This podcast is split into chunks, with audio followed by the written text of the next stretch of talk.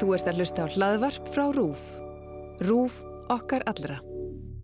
Með verbúðin á heilanum þáttur fjögur vestfjörðar nornin.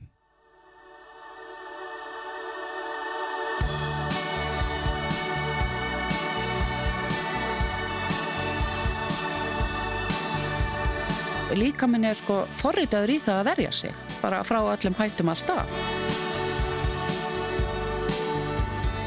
Kvikmyndagerð er bara ekki, er, þú veist, þetta er svo mikið hófstaf sko. Það vil enginn að það komi fyrir bara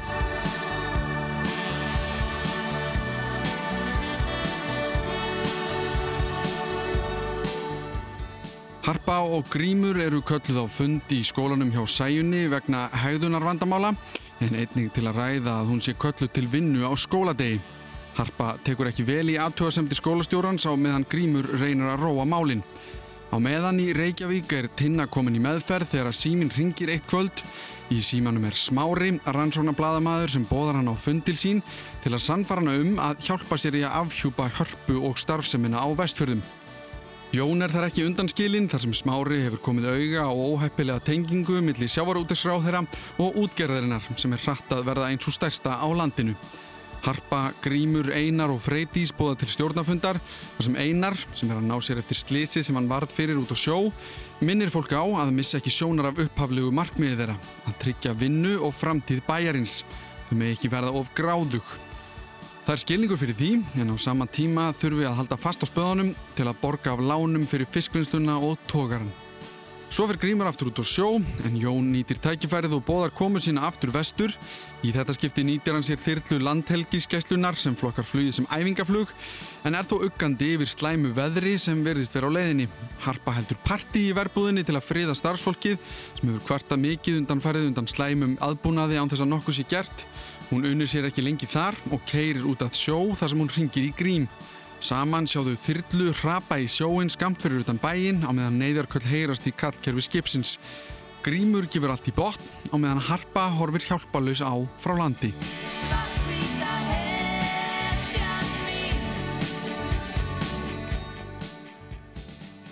Velkomin í fjórða þátt af með verbúðina á heilanum. Ég heiti Alli Már Steinarsson og mun stýra skútunni.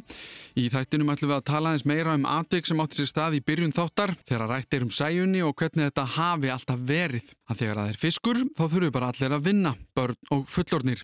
Ég fekk til mín Herdísi Storgard, hjúgrunafræðing og forstöðu konu hjá miðstöðu Slisavarna barna til að fara eins yfir sögu okkar varðandi börn og vinnu. En áðurum við fræðumst um það, skiknumst við á bakvið tjöldin en í þetta skiptið var það klippar í þáttana, Kristján Loðmfjörð sem kom til mín og við fórum aðeins yfir þetta óræða og dula fulla ferli sem verist eiga sér stað inn í klippiherbyggi. Ég heiti Kristján Loðmfjörð og er kvikmyndaklippari og er búin að vera það í svona cirka 15 ár. Ég mentaði mig reyndar í myndlist á sínum tíma en svona sogaðist uh, fljótlega inn í, inn í þetta starf svona eftir ég kláraði það nám. Hef vunni við það meir og minna síðan. Ég hérna var búsettur á Seyðisverði í næstu því áratug og þetta var svona fín vinna, hendaði vel auðvelt að vinna í fjárbúð og hérna er enda bara svona til til að ný afturkomin til Reykjavíkur, það hans ég er uppalega. Já, ég bjónur reyndar ennþá á segisverið þegar hérna gísli hringdi í mig sem að eru cirka tvö ár síðan í dag og þá var ég bara búin að vera í halgjöru starfslefi í næstu í tvö ár og búin að vera hérna átti hana gammalt hús sem ég var að endurbyggja og svona. Þannig að maður hérna, já, bara þyrstur að komast aftur, aftur í gang og vissi svo sem ekkert um þetta verkefni þegar hann hringdi. Ég man það fyrst þegar hann sendi mér handritin þá hérna, þegar maður las þau sko, þú veist, þá svona eiginlega hugsaði maður sko annarkvort verður þetta eitthvað sko algjört flopp eða alveg bara tómsnild þú veist það var svona, það var engin millivegur sko, þú veist það er hérna þetta var bara þess eðli sko. Sagan í þessu þar að segja og karakterinir og, og svona eitthvað hvernig þeir leiðu sér að, að svona skrú allt í botn og, og fara svona skemmtileg við strikið. En svona skemmtilega hjartengdir og náttúrulega hérna fjallaðum mál sem að flestir þekkja til og annað þannig að hérna skemmtileg blanda og maður sá það þegar efni byrjaði að skilja sér inn að hérna, þetta er náttúrulega bara tómsnilt Sko ef við förum aftur á þeirra, eins og þegar þú segir að gísli ringir í þig og þú ert svona beðin um að taka þátt í þessu verkefni sko fyrir þig sem klippar ef við förum bara svona kannski doldi almennt í þetta fyrst hvað eru þín fyrstu skref? Eins og þú segir, þú lest handritin ertu byrjað þá að móta er einhverjas hugmynd sjálfur um hvernig þú vilt klippa þetta hvernig þetta lítur út eða er það eitthvað samtal sem fer í gang? Já, maður náttúrulega byrjar á því að lesa handritin eða handritið eftir því, eftir því hvað verkefni maður er að vinna í En ég geri það yfirleitt bara mjög snemma í ferlinu og svo er ég ekkert mikið að skipta mér af hérna handritunum. Maður hefur stundum sko, stundum þar maður hafa handriti hjá sér þegar maður er að raða saman en ekkert endilega sko. Þú veist, ef það er svona tiltölu augljóst eitthvað hvernig hlutin raða saman, það er sko, það sem ég kannski er að segja er að hérna að samtali kannski byrja fyrst og fer að fá myndefnið og þá er samtali við myndefnið sko og þá hérna, þú veist, sér til dæmis bara hvernig hérna tökumæðurinn er að hérna cover þetta og þess að þar.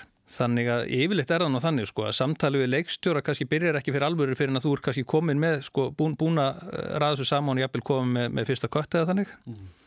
En þetta samtali eins og þú, þú talar um kamerumannin eða þess að kvíkundatökumannin færðu efnið sem sagt kemur alltaf að efninu bara svona, já, já ok, þannig að fyrstu kannski dagarnir eða vikurnar eða eitthvað er svona pínu að átta því á því hvernig stemningin er eða slíkt. Já, maður getur verið sko bara allan tíman átt að því sko þangu til að maður er komin með sko fyrstu uppröðuna samankort að það er kveikmynd eða eitt þáttur eða þannig sko, þú veist, það getur alveg tekið frekar langa tíma, þú getur, sérst, þú veist, ef maður er til dæs með, með kveikmynd sem er svona það form sem að ég er vanari sko, þú veist, þá er það allavega sex vikur sko yfirleitt kannski, svo ert að raða myndinu saman, sem gerir svona kannski samlega tökutímbilin og kannski aðeins lengur heldur en það. Og það er í rauninni sko voða lítið hægt að gera sér eða að segja sko maður gerir sér ekki fyllilega grein sko fyrir hún komið heldina nákvæmlega hverju þú ert að leita eftir sko. Og það er suma leikara sko og, hérna, suma karakter að þú getur verið kannski að velta því fyrir þér sko allt þú ert að ræða saman sko hverju þú ert að leita eftir nákvæmlega í þessu leikara sko veist, hver, hver, hvað þú ætlar að reyna að draga fram sko þegar þú fer að skoða alla tökunar sko og svolítið setna sem að þú sér kannski ekki sérði ekkert almeinlega fyrir en þú ert einmitt komið með heldina og getur einhvern metið út frá því sko. Mm. Þannig að framanna getur maður verið að vinna svolítið í blindni og ofte kannski bara betra að spara sig frekar en sko að vera að velta sig ómikið upp úr hlutunum sko og reyna að finna ómikið uh, út úr einhverju sem, sem er bara ekki tímabært. Er það þá sko að því að ég held að fyrir fólk sem að að því að í gegnum þessa seri sem ég er að gera það er ég búin að tala um búningahönni hérna brellurnar ljósinn, þetta snýst, þetta kemur eiginlega alltaf niður á sama punkt sem er að fólkið þar, þar með tali ég sem er að horfa á þetta það er að sjá fullt af hlutum sem það áttar sig ekki á. Þetta er allt svona daldið hlutur sem að ef að þau fara illa að þá er þetta ekki eftir þeim en ef þau fara vel, ef þetta fer allt saman vel og rennur allt saman ljúflega að þá þarf eiginlega þann því naskara auga til að sko bera kennsl á góða klippifinu þetta var vel gert og þar fram með gödunum þannig að ég veldi fyrir mér sko andast þó að þú þurfa að tala mikið um sjálfan þig en hvað heldur að sé ástæðan fyrir að gísli til mis tala við þig? Er þetta sko eru klippara með eitthvað svona auga sem verður þeirra hvað maður segja kennileiti, treytmark Já, uh, ég hugsa það. Það er það alveg á nefa en þetta er alveg rétt sem þú segir sko. það er hérna, það er rauninni veit enginn hvað gerist inn í klippherbygginu þú getur metið klipping út frá kannski eitthvað ákveðnu stíl. Og það er kannski eitthvað sem að, hérna, sem að þú veist, það er eitthvað svona á, kannski ákveði element sko, þú veist, kannski bara svona varandi kannski rithma og tempo og svona sem að kannski þeir sem að leita til mín er, er að leita eftir. Mm.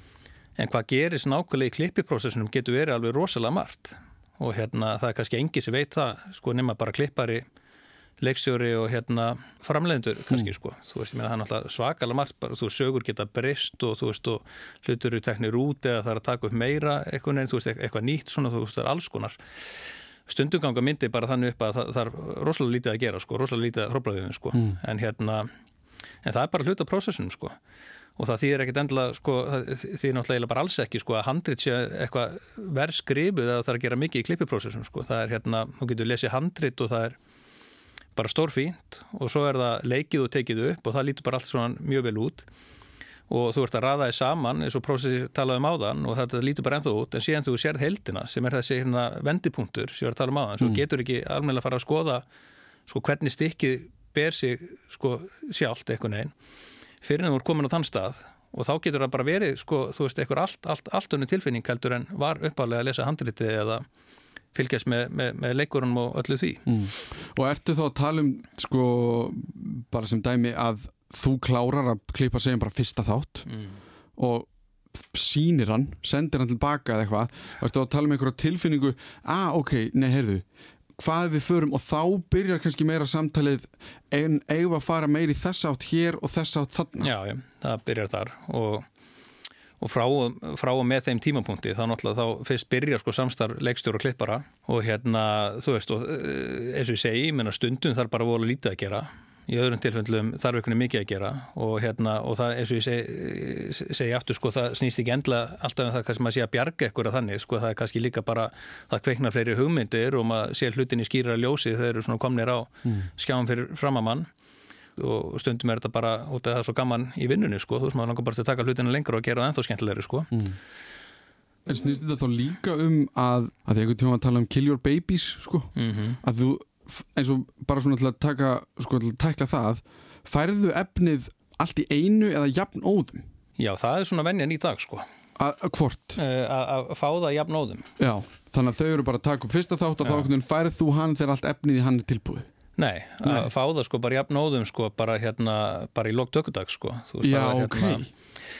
En það er til dæmis sko eins og ég tala um áðan þegar meðan ég bjóð að sér í hérna Eh, þessi eh, þannig næstu í áratug þá var til dæmis alveg rosalega breyting og því bara sko bara á, á hérna, hérna hversu mikið, hversu stóra skamtóðugast hérna hlaðið upp og, og þess áttar Já bara af því að internetið og bara já, flera, já. já, já, þú veist ég menna áðurinn hlutlega segðisverðar og, með, og með sko fyrst árun segðisverði sko þá hérna, já mér þá var það frekar þannig sko ég fekk sendan bara harðandis með flugi sko þú veist einu sinni viku eða þannig. Mm -hmm en í dag er þetta orðið þannig sko, þú veist, þetta er, er svo auðvelt sko, menn þú getur hlaðið upp 200 gigabætum sko, þú veist, og þú veist bara enga stund að hlaða þessu niður sko, mm -hmm. veist, þannig að í rauninu er þetta orðið þannig, já, veist, en þetta þarf náttúrulega að fara í genið svona annan prósess, það er ekki bara þetta er ekki bara beint úr myndavelin til mín, þú veist, það eru hérna svona, þú veist, dittarar og þess að svona teknum menn sem þurfa að taka og, og svona undibú efni og svoleið, sko, mm -hmm. þannig að þú veist, maður er kannski fá efni svona, maður er svona tveimu dögum eftir áallin.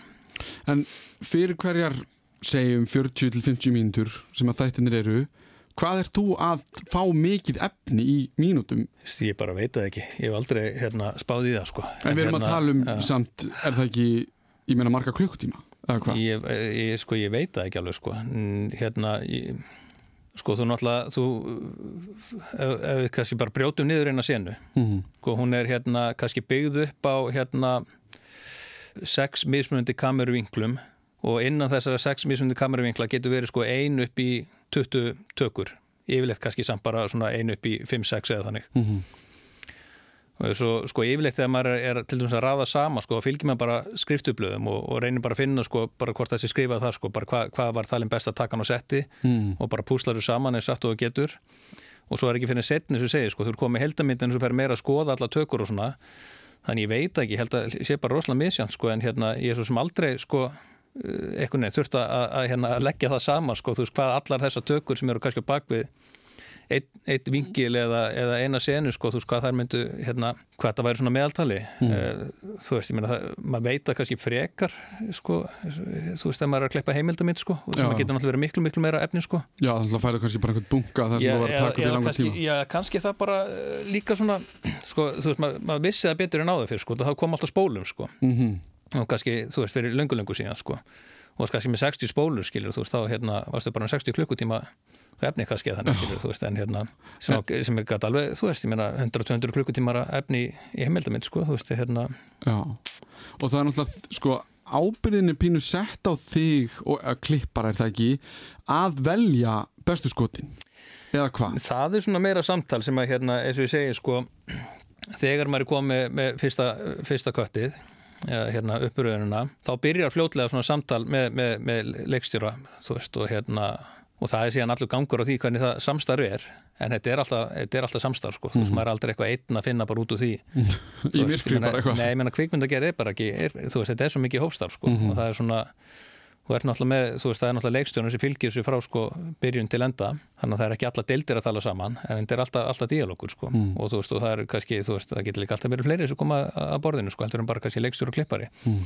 getur verið fleiri leikstjórar eins og í, í þessu tilfelli og stundum er kannski mjög virk framlýslu hlið sem er líka, þú veist, með mikla skoðanir og, og bara allur gangur ásug sko.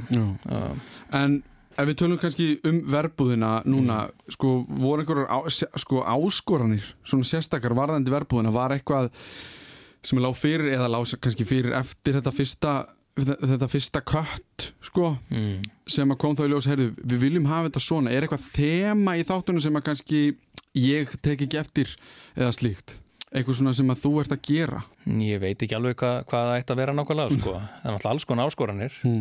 og hérna þetta er búið að vera bara mjög, mjög skemmtilegt verkefni og mjög opið í rauninu sko. þú veist þetta er búið að vera, svona ferðlega búið að vera mjög opið sko fyrir, svo, opið fyrir breytingum og stöður í þróun sko, þú Mm. veist meðan á kli, klippi tímumbilinu stendur líka. Og svo náttúrulega þú veist, ég meina þetta var tekið upp sko fyrst voru sumartökur og svo voru vetartökur, þú veist þannig að það var líka gafst góðu tími sko fyrir vetartökunar eitthvað, það var hægt að koma ákveði langt með klippin og svona hægt að hérna að spá í það. Hvað hva, hva, hérna, þú veist vantaði þó upp á þessu áttar sko. Já. og þá verður þetta kannski að ná í alls konar eh, eða margt fleira sko heldur en kannski stóðu uppalega til í vetratíðinbylnu Mm.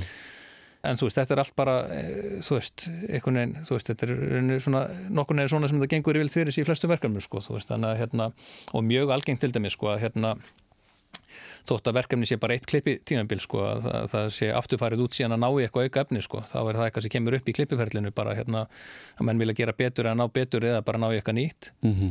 og það er oft bara merkið um, um að verkefni séu skemmtilega og lifandi og þetta verkefni er búið að vera, búið að vera mjög, mjög lifandi og litrikt En mér langaði samt til að spyrja út í sko að því að nú er, það er eitt sem að hérna, Davíð Jón Augmundsson brellu mestari talaðum að því við tölum um pinnan sem hann fær í gegnum andlitið. Mm -hmm. og ég, ég var að spyrja hann út í sko hvert var þeirra svona að, hver var þeirra aðkoma til að því atriði. Sama með raun þegar hann missir hendina í fyrsta þætti. Það er þetta, þetta klipp sem kemur þar sem að það er klift þannig að þú sérð í raun ekki alveg hvað gerist en það er sterklega gefið til kynna hvað gerðist. Eins og hann sagði Davíð þú sérð pinnan aldrei fari, fara í andlita á honum en það er klift, þú sérð alveg að því. Er það meðvitað? Eða er það bara alltaf auðvelda ferlið heyrðu, ok, þá þurfum við ekki að gera það í alvörinni við bara gefum það til kynna Já, núna eru við svolítið komin út fyrir mitt svið sko, Já. það er hérna en jú, ég menna eins og með pinnan sko það var svona ákveðið tvík sem var bara hérna framkvæmt í hérna tökum þú veist, í rauninni, þú veist, klippu yfir á vélina og síðan þegar kvellin á sér stað, þú veist, þá hérna reyfir kamerin sem er rosalega snögt yfir á uh, Góa, góa aftur já. og þá reyndar, þú veist, þá er rauninni bara búið að líma pinnan á hendina á hann, þú veist, hann gerir bara þú veist, liftir hendinu upp og það er bara svona eins og pinnin smelli og bara virk, virkar frekar vel í því tilfelli mm -hmm. Sko ég náttúrulega í þessu tilfelli sé bara efni sem kemur inn til mín og, og við þurfum bara einhvern veginn að hérna, láta það virka Mhm. þannig að hver, hver forvinnan var að, að því að, eða hugmyndavinnan að því að gera það nákvæmlega svona er kannski, eins og ég segi, svona, ég var ekki hluta því ferli sko. Já, ég bara veltaði líka fyrir mig sko að því að það sem sérð ekki gefur einhvern veginn meiri tilfinningu þú veist þá þartu kannski ég meina ef við tölum bara um lokin á fjóraþætti þegar þyrlan er farin í sjóin þú veist það er klift á einhvern veginn inn í þyrluna, hörpu, grím það er einhvern veginn verið að klippa þarna á milli. Þetta tempo er það líka eitthvað sem að þið eruð í samtali með?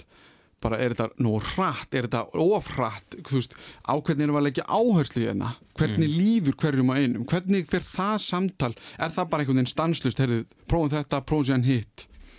Já, það er bara stanslust og hérna, þú veist uh, maður vinnur í rauninni þannig að hérna, þú veist, maður býr til mörg kött af hverjum þætti að mynd, þú veist mm. Uh, þú veist, maður, maður, já, maður ræða saman um sig og síðan þú veist er hort á það og, og svo er fara fyrkt í því og þá kemur fyrsta kött og svo er hort á það og það er kannski, þú veist, fleiri, þú veist, þegar þú segir bara misvöndi framleyslum, hversu margir eru að horfa á það og skilin punktum og svona og Mhm.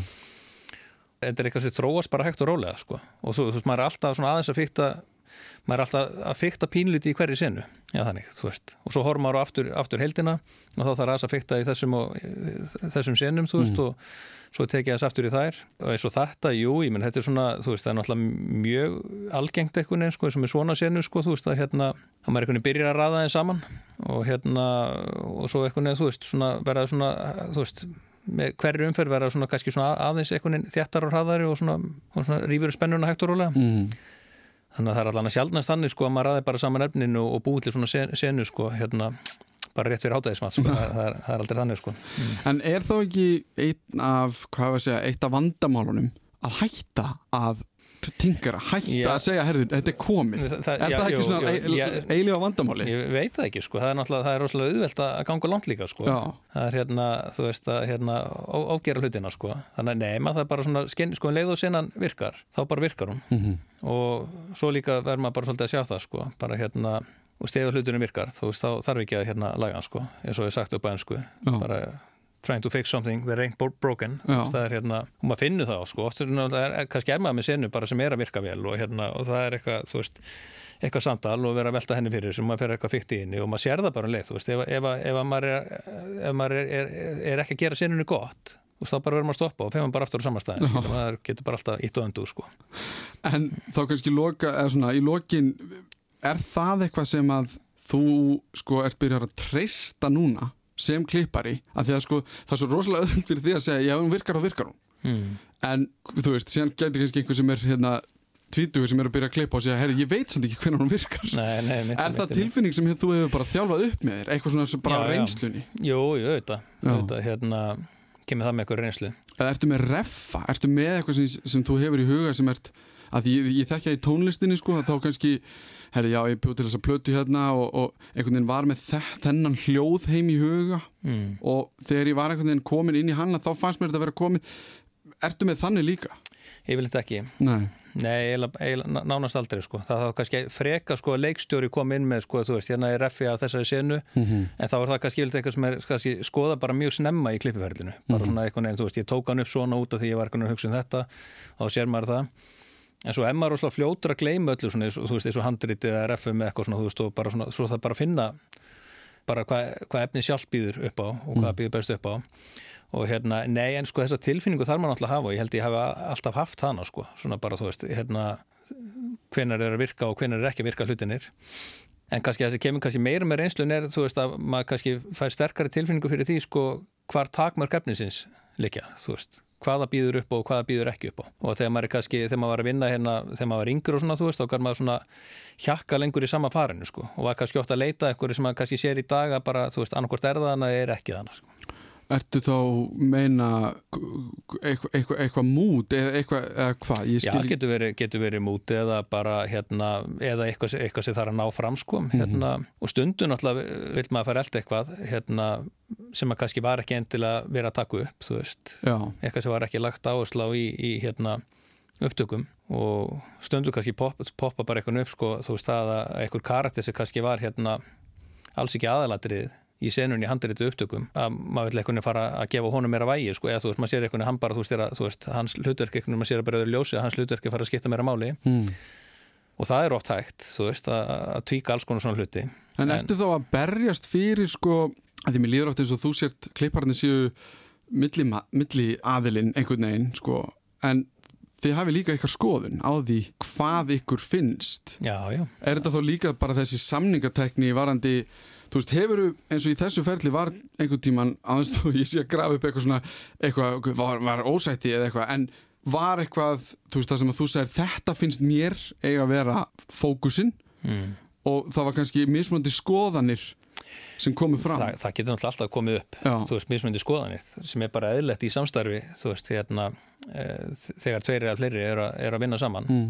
en nei, ég, sko, það er nú kannski eitthvað sem að reynsla kenn mann líka sko. þú veist, ég, ég fer aldrei út í eitthvað svona barning sko, eða sko, þú veist, að berja sko, þú veist, annarkvort er hljóngrunni fyrir þinni skoðun Mhm. og mjög oft er hann stundum er hann ekki Eh, stundum, þú veist, þegar eru hérna þú veist, eða eru bara tveir í díalóknum þú og, og leikstjóri til dæmis þú veist, þá kannski ef menn er ekki sammála, þá hérna uh, þú veist, er hægt að ræða það fram og tilbaka en það er alltaf leikstjórn endunum sem að hérna fær náttúrulega að hafa lokorðið, þú veist, uh, það er bara þannig. En mm, fyrst og fremst snýst þetta náttúrulega um sko, bara öll verkefni eru náttúrulega mismunandi.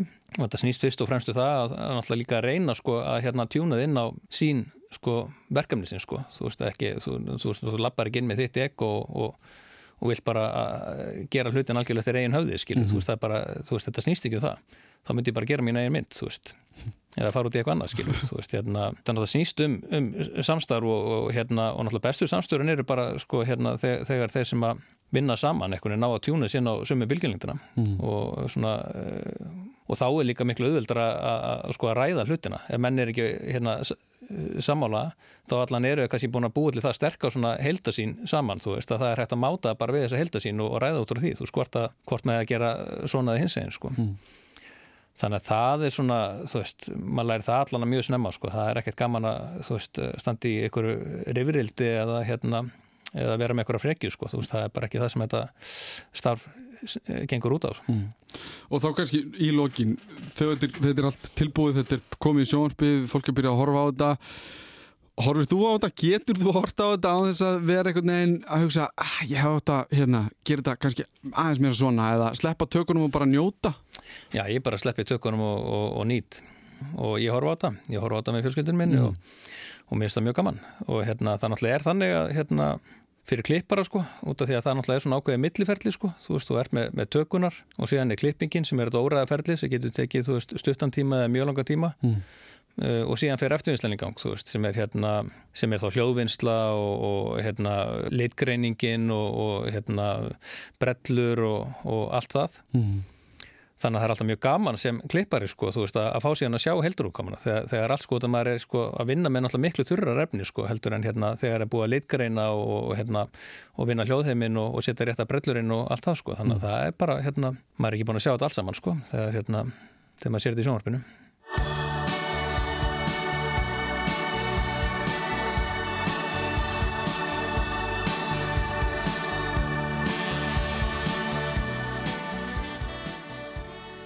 Já, ég heiti Herti Storgård og er mentaður hjógrunafræðingur með sérmentun í bráða og svæfingahjógrun og starfaði lengst af á slísadeildinni í Fossvogi en síðastlegin 30 ár þá hef ég unnið við slísavarni barna á ýmsum vettvangi. Ég leiti hér landsátaki í slísavarnum barna á vegum hins ofinbera fram til 2006 en þá fór ég að vinna í forvarnahúsi Sjóá síðan í kjölfarið uh, þar sem að það lokaði í kringum hrunið þá stopnaði ég miðstöð slísavarna barna sem ég rek í dag og markmið miðstöðurinnar er einmitt að fræða fóreldra um öryggi barna þeirra. Og þetta verkefni er í saminu við heilsugjæsluna, þarna er öllum eh, verðandi fóreldrum bóðið í sérstakka kjenslu og þetta er þeim að kostnaða lausu. En þar sem að ég kenni frýtt þarna þá starfa ég sem ráðgjafi bæði innanlands og utan Þannig að ég er enna að vinna sagt, á mjög viðtakan hátt í öryggi barna og ekki bara öryggi barna heldur mikið sem tengist öryggi vöru og eldri borgara. Ef við byrjum bara á því sem við vorum að horfa á núna, Já, Daldið. gerum það. Og þeim tímapunkti, þetta er 85, 86, þetta er þetta tímabil. Mm -hmm. Viðhorfið, gagvert í hvort að börn væri að vinna, að þetta er árið sem ég fættist, 86, mm. og ég man að þegar papp pappi minn sem ólst upp í Mósesbæ og var, afi var kaufélagstjóri þá var alltaf að tala um að pappi byrjaði að vinna þegar hann var 6 ára já. í kaufélaginu þannig að ég upplýði næstu að þegar ég byrjaði að vinna mm. hjá Dominós eða eitthvað að þá var það næstu of seint. Ég hef átt að vera næstu byrjar að vinna fyrr. Já, þannig er þetta aldrei viðhorfið. Já, en þetta er kannski almennt viðhorf hjá Íslandingum sem kemur aldrei vel fram í Já, sérstaklega hjá eldri Íslandingum en ég get alveg sagt þér það því ég er í stöður sambandi við unga fóruldra og það er mjög gaman að koma inn á það einmitt vegna að það hefur orðið svo mikil hugafræsbreyting frá því ég byrja að vinna í Sliðsavörnu 91 og fram til dagsins í dag. Mm. og það er svolítið gaman að koma inn á það vegna að fóreldra sem heistiriska þar sem að þeir eru virkilega góðir fóreldrar og huga að öryggi barna. Það, mm. Þetta er svolítið merkilegt nefnilega. En á þessum tíma, 86, Já. hvernig var þessu háttað? Það var náttúrulega kemur lögjöf þarna mjög, hún er einhvern tíman í kringum 1980, sem sagt vinnuvenda lögjöfin og það er kannski ekki fjalla mjög ítalega um öryggi barna. Mm -hmm. Síðan gerist það að Ísland skrifar undir þennan Evrópusamning um að eh, lög sem að eru sett í Evrópu séu samþygt á Íslandi en oft á tíðu með breytingum náttúrulega bara út af staðháttum og öðru og ég mann gífurlega vel eftir þessar umræðu vegna þess að ég er að vinna við slisavatni barna þannig kringu 1995-96 að þá átt að innleiða sem sagt ennþá strángari kröfur um uh, öryggi á vinnustöðum fyrir börn. Og það var hreinlega sett í reglugerðina að börnum er þið bannað að vinna. Nema mjög létt störf og uh, í þessari reglugerð þá er tólkunin sem sagt 15 ára þá telstu vera batni í þessum vinnuskilningi og þá er einmitt talið upp hvað það mátt gera. Þetta eru mjög létt störf og eitt af því sem að eh, fólk er ekki átta sig á að sé ekki létt starf, það er eh, barnagesla og uh, maður sér alltaf á vorin að þá er uh, bæði stelpur og strákar að auglýsa að þau geti tekið að sér að passa börn og þau hafi sagt, sótt sérstakt uh, námskeið hjá Rauðakrossinum sem á sínum tíma hétt hérna barnfóstrun námskeið en með tilkomið þessar reglugerðar þá er mitt beitti ég mér og umbóðsmaður barna fyrir því að þetta námskeið fengi annað heiti. Mm. Svo að fóreldra myndi ekki fá misvísandi skilaboð og halda það að hafi batt sótt þetta námskeið þá sé það bara útskrifað, eh, útskrifuð barnapíja. En þetta er ennþá í gangi og það eru mjög margi fóreldra sem átta sig ekki á því að ef að þeir hafa sendt barnið sitt á þetta námskeið að uh, þeir bera faktist ábyrð á því ef eitthvað kemur fyrir ef að barnið er 11, 12, 13 ára því að faktist í dag samkvæmt þessari reglugjörð þá þartu að vera orðin 15 ára til þess að geta passa barn. Og þetta er útskýrt mjög ítalega í reglugjörðinni hvað telst létt og, og ekki og það er bæði talað um líkamlega áreinslu bassins og andlega Og það að passa lítið barn sem að er fjörugt og út um allt og, og þurfa sagt, alltaf að vera skrefi og undan því og e, geta lesið í aðstæðunar og, og stoppa barnið af eða bjarga því frá einhverju slisi, að þetta krefst svona ákveðins líka andlegs þroska af hálfu viðkomandi. Og það er hreinlega talið að, að börn hafi þetta ekki fyrir nýkringum 15 ára. Og svo er annað líka sem að ég hef oft staldra við og spurt sjálfa mig um. Eh, ég byrjaði að passa börn eh, mjög snemma, ég hef segjað að vera 8 ára gömul, ég, ég bjóði ringbröðina í Reykjavík. Ég mátti aldrei fara yfir hann að hitta vini mín að hinna með við gottuna en þegar ég var að passa nágrannabarnið þá mátti ég fara yfir ringbröðina og neyður á Tjarnaborg að sækja hann og síðan passaði ég hann í tvo tíma þannig að ég fótt tvísar yfir ringbröðina með hann en ég mátti ekki sjálf fara yfir að því hún var svo hættuleg. Þannig að þetta lýsir kannski svolítið þessum hugsunahætti og annað að eh, bakmeðsli og þannig er einmitt komið inn á þetta að það eru þessi vinnuslið sem við þekkjum þar sem fólk er að kannski að saga í sig eða rinjóna vinnupöllum eða renna til á blötu gólfi eða hvaða nú er. En svo er líka sko verið að tala um vinnustellingar og langtíma áhrif af einhverju Og þetta með að óþróskaðu baslíkami sem er kannski 8, 9, 10 ára gammal, 12 árað, e, þarna er mikill þroski bara í beinum og stóðkerfinu í gangi. Og það er vitað út frá rannsóknum hversu mikið mörg kíló börn á mismunandi aldri þóla að bera. Og þarna var maður sem sagt að, að hlungast um með þunga krakka og þetta er öruglega margir sem er að eiga við bak vandamál í dag sem fullotna manniskur sem er reynlega aft að segja á því að þetta getur verið eina af ástafanum. Mm. Og þú talar um samt hérna, þessa vinnulöki sem fer hann að 80 eitthvað. Já. En þú, þú nefndir eitt hlut sem ég finnst alltaf áhugaverður sem var sko þetta með tilliti til landa, stöðunar í þessari senu mm. sem við horfum á að þá er kennarin sem á að segja, herðu, já þetta er nú aðeins öðrum enn fyrir sunnan, það er alltaf erfitt að halda upp í kennslu þegar þetta er svona það er að vera að sækja börn í vinnu og þarfum þetta göttunum yeah. og svarið sem er, er bara en svona hefur þetta bara alltaf verið þannig ég veldi því fyrir mig sko hvort að undanþáðnar fyrir reglunum hafi verið pínu, já, en án þeirra gengur þetta ekki upp, af því þegar fiskurinn kemur þá verða bara allir að vinna já, já. og af því þú nefndir hérna áðan bara aðstæðunar sem að börn voru í á þessum stöðum, þær voru heldur ekki sérstaklega uh, geðslegar. Nei, þær voru það ekki og einmitt dæmi ef við tökum þessa senu þarna að þetta er alveg klassist vegna þess að það var, voru bara ekki fleiri í plásinu og það kom inn mikil vinn á þessum tíma og þurftu bara allir að taka þátt. Eh, þannig hafðu þið byggt upp samfélagið. Að sjálfsögðu er orðið mikið breyting á þessu og í dag þá byggja menn samfélagið upp á þessum stöðum og allt annan hátt með annars konar vinnuafli. Og um, það var líka þessi hugsunaháttur og, og þegar að ég sagt, byrja að vinna í Ísleisavörnum 1991 að uh, það var alveg ótrúlegir fordómar gagvast því sem ég var að gera. Og ég byrja hjá Slísavarnafélagi Íslands. Sem sagt þeim er veitt fjö af hálfu Jóhannu Sigurðardóttir sem að Eh, vildi fara að gera eitthvað í þessum málaflokki og eh, ég er ráðin þarna til félagsins og við ætluðum sagt, að skipilegja svona vitunda vakningu. Þannig ég kem hérna úr Reykjavík, fer ringin í kringu landið á hvern einasta stað, mikið er mitt í svona klassiska stað eins og kemur fram í senunni og viðtökurnar þær voru bara mjög blandaðar. Það var stundum svona þeir sem hefðu lendi einhverju ræðilegu með börni sín eða mistu þau sem að svona kannski gáði með hljómgrunn og henni bara hvað er þessi kona að sunnan að gera hérna? Hún þekkir ekkit hlutina hvernig þetta er hjá okkur. Og þetta er allt miklu agalegra sem sagt í Reykjavík. Og þar eru miklu meiri slís og þar eru miklu meiri hættur. Og ég er nú svona frekar ákveðin manneskja þannig sem er ég ætla nú ekki að láta segja mér þetta aftur.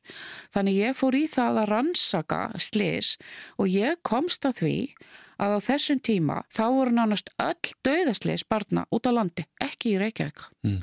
Og þetta er líka svolítið sko, úr slísavörnunum sem við þekkjum sem hvernig metur þú umhverfið þitt og hættunar í umhverfinu þínu og mögulega er ástafan fyrir því að í Reykjavík þá voru náttúrulega ógni frá bílum og öllu mögulegu öðru þannig að fóreldrar kannski hafðu öðruvísi hugsunhátt og náttúrulega lífi kannski svolítið frábriðu frá sjáaplásum og, og til sveita þannig að, að það er kannski ekki alveg réttmætt að, að bera þetta saman en þetta kom fólki uh, mjög á óvart það hafði enginn skoðað þetta mm. Og þarna gæt maður svona farið að aðeins að ræða þetta og, og það sem ég gerði þegar ég fór aðra ringferð þá passaði ég mig að vera ekki þessi kona að sunnan heldur hafði samband við heilsugjastlunar við sögurinn landi, það er höfðu náttúrulega tölfræði yfir komu batna, slagsaðara batna til sín. Og ég síndi svo tölfræði frá höfuborgarsvæðinu sem sagt prósentilega hvernig þetta dreifðist og hvar bönni voru að slasa sig. Og það var svo ótrúlegt að horfa á það að það var nákvæmlega eins út á landi nema eini munurinn, það voru döðslesin, þau voru svona miklu, miklu fleiri út á landi. Mm. og af því að ég náttúrulega er hjókrunafræðingur og vann sem sagt mest allan minn fyrir annarkort á svæfingardeild eða á bráðamótöku þannig að þá þekki ég líka þessi hróðalegu slis þegar ég er að koma útskrifuð eh, með sérnám frá Breitlandi 79 og byrja að vinna hérna á gamlu slisateildin í Fossvegi að þá voru þessi hróðalegu slis, það voru sko ungir krakkar að koma eh, send í sjúkraflugi hérðan og þaðan búin að stíga onni sníl uh, og það er ekki bara sko að barni kannski hafi ekki haft tök á því að einbeta sér að mörgum hlutum í einu sem er náttúrulega hefur líka með framheila þroska bassins að gera og við framheili fólks er ekki þroskaði fyrir í kringum svona 18-25 ára. Mm -hmm. Þannig að, að það er stundum erfitt við hlæjum að þessu. Já, ég get bara gert eitt hluti í einu og þetta er bara hluti af heila þroskanum. Og svo var ekki bara það sem var að hérna í umhverfinu. Það var það voru ekki varnir, sem sagt þannig að sumstaða voru þær og þá var oft sagt já en það mátt ekki nótana vegna þess að þá stiplaðist þetta alltaf og þá þú veist þurftum við að stoppa mm -hmm. og gáttum ekki afkasta jafn miklu. Þetta var gegnum gangandi hugsunahátturinn hérna og svo voru hinslísin segjum hann eftir sem voru hryllileg, það voru drifskaftslísin úr sveitunum. E, þegar að börnin voru sagt, að fá að vera á traktorunum þegar að var verið að sagt, vinna út á engjónum að börni voru að festa sig í dreifskoftunum og það var gert einmitt alveg gífulegt átak á landsvísu einmitt sem Slísavatnafélag Íslands gamla beitti sér fyrir krakkar voru mjög unga keira traktora og mm. aftur þetta að þau voru kannski undir 12 ára og þú veist að þarna var ekki neitt skinnsemi eða verið að, að áhættum þetta er sonur minn eða dóttir er hún hæf til þess að keira þennan traktor þó hún kunni það að því að sjónsvið barna er þannig að þú sérð ekki til hliðar þú hefur ekki hliðar sín þegar þú er 12 ára Þannig að þau sáu náttúrulega ekki skurðin eða mm. misfellina eða eitthvað og keirðu bara áfram og svo kvaldi traktornum og þau urðu undir og annarkorti létustögu eða bara voru stór slössu. Og þetta var svona einhvern veginn eins og þú sagðir og kemur fram þarna í senunni svona hefur þetta alltaf verið mm. og, og, og það er líka þetta þá fyrir maður að spyrja sig, okkur hugsa fólk svona það er sárt að missa börn það er sárt að barnum að slasist það vil enginn að það komi fyrir sitt barn mm. en það er þetta að það var líka gífuleg örlatrú í gangi. Og menn, sko, hugtakið slis og sem sagt hvað er slis, þetta er margar ansakaðu þáttur og alþjóð heilbyrðismálastofnum stegið mitt fram 1980 til þess að reyna að loka þessu örlaga trús áliti almennings á slis, já þetta gerist eða ekki gerist. Nei, þegar slis eru skoðu, þú getur séð nákvæmlega hvað fór úrskeiðis, hvað orsakaði slisið og hver er ábyrgu fyrir því? Og það, þetta var mjög mikið nýlunda sem að gerði það verkum að, að það fór að koma miklu meiri reglugerðir og lögjöpar í kringum allt. Af því þarna sáum menn, jú það er að gera eitthvað. Uh, við skulum hindra þetta eða hindra hitt. Og það tók svolítið tíma að breyta þessu og þetta er nefnilega svo merkilegt að svo er ég núna að kenna fórildrum sem er að eiga börn og það er svolítið allt annað að ræða við ungt fólk að því það er aðlið upp í skólakerfi með forvörnum og ég þarf ekki að byrja á því að útskýra hvað eru slisavarnir eins og ég þurft að gera 91 mm. að því fólk skildi þetta ekki. Í dag þá veit fólk að þetta er ekki tilviljun, það er ekki einhver í vondu skapi sem að aðri máttavöld sem ætla að láta okkur detta í hálkunni, þetta er spurningum að vera ekki rétt um skóm og, og það er frost og, og klakjóti. E, þannig að, að það er rosalegt svona gjá þarna á milli.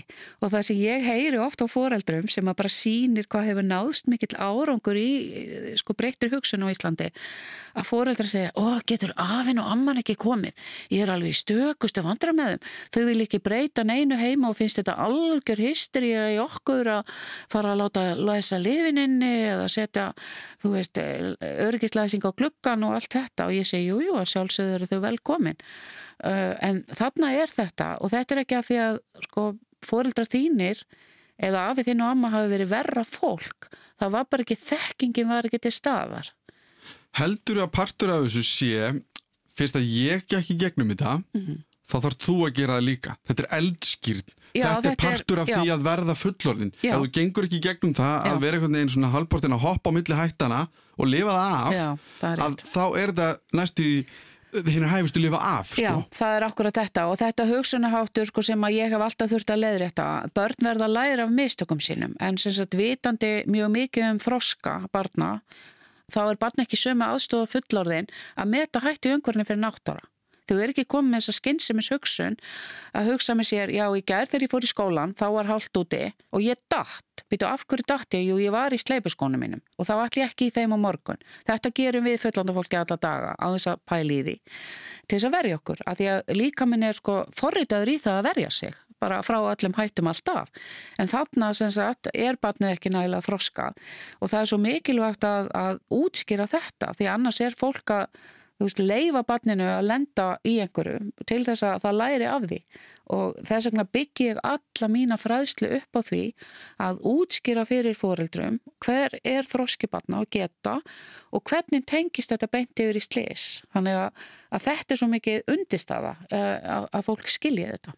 En hvað með, sko, ef ég tek núna hinn pólinn sem er að við erum að vefja þau í ómikinn bómul. Já. Það þarf, sko ekki endilega, ok, við þurfum ekki að börn fara að vinna 10 ára, 12 ára eða eitthvað eins og við, við, við, sáum þarna í þættinum, heldur þau þurfa að fá ábyrð, þau þurfa að gera eitthvað, þau þurfa að, þú veist, að, það þau megi ekki bara koma út 18 ára og vera síðan bara eitthvað, af því að við sko er það ekki svona tólti reykjum okkur af vinnuæðilinu hvað við erum dugleg sem þjóð hvað við leggjum á okkur, allt þetta. Ég held bara, til dæmis að ég var í úlingavinnunni og ég lærði alveg óskaplega mikið á úlingavinnunni Var, það voru frábæri leðbunendur, þetta voru flest allt kennarar og það var bara svona hlutir eins og að mæta stundvíslega, þú veist kaffipásan er þetta löng og þú ert ekki lengur, þú veist vinna með öðrum og ég er alveg sammálaður að þessu leiti að það er eh, kannski ímislegt sem að það kom svona svolítið uppgjöf í hlutina. Þegar þessi evróska reglugerð leit dagsinsljós þarna ykkur 95-96 í staðin fyrir það að hugsa út, út fyrir bóksið og spá í það, jú hvað er það sem við getum bóðið börnum upp á í sömarvinnu, á sömrin Þannig að þetta svona, það er svolítið flætti undan þessu og þetta er mikil synd vegna þess að uh, krakkar höfðu gott af þessu þó að það mætti taka margt út úr því eins og að lenda ekki að vera ekki að vinna við hættulega vinnustadi eða vera að lifta þungum hlutum og svona. En bara þetta að fá þessa ábyrð Eh, þetta skiptir miklu máli og ég held að eh, samfélagið okkar, við þurfum svolítið að staldra við og horfa þetta. Því að það er svolítið mikið talað um Jésúbarnin sko, það er eh, sagt, þessi 2000 kynslu mm. að sagt, það er talað um að geti, þeim finnist að þau geti gengið á vatni og allt þetta, þetta er svona eru kallið ímsum ljótum nöfnum sem maður mm. kannski á ekki að vera að hafa eftir. En hverjum er þetta að kenna? Ekki börnunum, þetta er svolítið samfélagin að kenna. Er það að því að við sko yfirleiðréttum við vorum í þessum fasa þar sem að börn voru bara að vinna og síðan hugsaðu við, nei, heyrðu, byrju, það gengur ekki. Og þá yfir leðrættu við í hináttina þar sem að við sem, nei, þau eru bara að vera börn. Og nú erum við að reyna að finna millivegin. Já, ákvæmt og þau náttúrulega þurfa að fá að vera börn en þau hafa líka gott á struktúr. Börn þrýfast í struktúr. Og þau verða óörug ef að hlutinir er ekki í struktúr. Og eins og ég segi, það er ég held að á þess að ég viti það að það veri vísindarlega rannsakað að eh, menn, það hefur svolítið flætt undan og, og ég held að hefur komið svolítið uppgjöf að segja já, það hætti bara reglugjara nessuna nú með og þau ekki gera neitt. Í staðan fyrir kannski bara setjast niður og finna út hvað getum við búið börnum upp á því þau hafa gott af því og læra þess að svona vinnu etik uh, skipti máli. Mm. og úlingavinnan var alveg frábæra þessu leiti til. Maður þurfti að gera hluti sem voru ekki skemmtilegir að reyta arfa en maður, maður áttaði sér fljótlega á því að vinnan er ekki alltaf skemmtileg en uh, þú þarfst að vinna. Það er bara þannig, þú vilt fá peninga þá já, er hann ekki, já, þetta er ekki dans og rósum. Nei, nákvæmlega. Þannig að í dag, ef við berum þetta saman sko, á hvað stað eru við þá núna varandi börn? Og vinnu? Já, ég myndi segja að það sé margt, uh, það var margt nöðsilegt sem þurft að gerast þarna með tilkomið þessar hertu reglu, regluna eða reglugerðar frá Európsambandinu en um, mér finnst alveg við mættum endur skoða þetta að, að finna út hvort að við getum ekki fundið flött á sagt, að fái eitt hvað að gera við sitt hæfi. Mér finnst það voðalega mikilvægt. Vegna þess að við erum líka að horfa á reyfingaleysi, við erum að horfa á allt og mikinn skjáttíma e, þannig að, að það er kannski líka ástæðan fyrir því að þau hafa ekkert að gera. Og það eru ekkert allir krakkar sem að vilja fara í íþróttir þó það sé mikið að tómstundastarfi í boði. e, stundum er bara eitthvað annað sem að þau finna sig betur í Þannig að ég held að við þurfum svolítið að, að huga og hlúa betur að ungviðin okkar, hvað þetta varðar.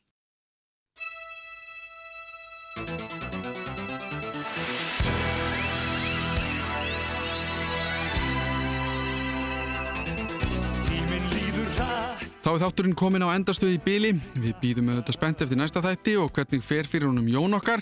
Það er mörg horna líta fyrir okkar fólk. Það sækir að úr mörgum áttum, hvort sem það eru náttúruöfliða rannsóknarbladamenn. Ég taka Herdísi Storgard fyrir að tala við mig um öryggi barna og tengsl þeirra við vinnu í gegnum tíðina og svo Kristjóni Lóðnfjörð klippara fyrir að lefa okkur að skiknast inn í klippiherbyggi og heyrum stemninguna þar. Ég heiti Allimár Steinarsson og þakka svo fyrir mig. Heyrumst í næsta þætti af með verbúðina á heilanum.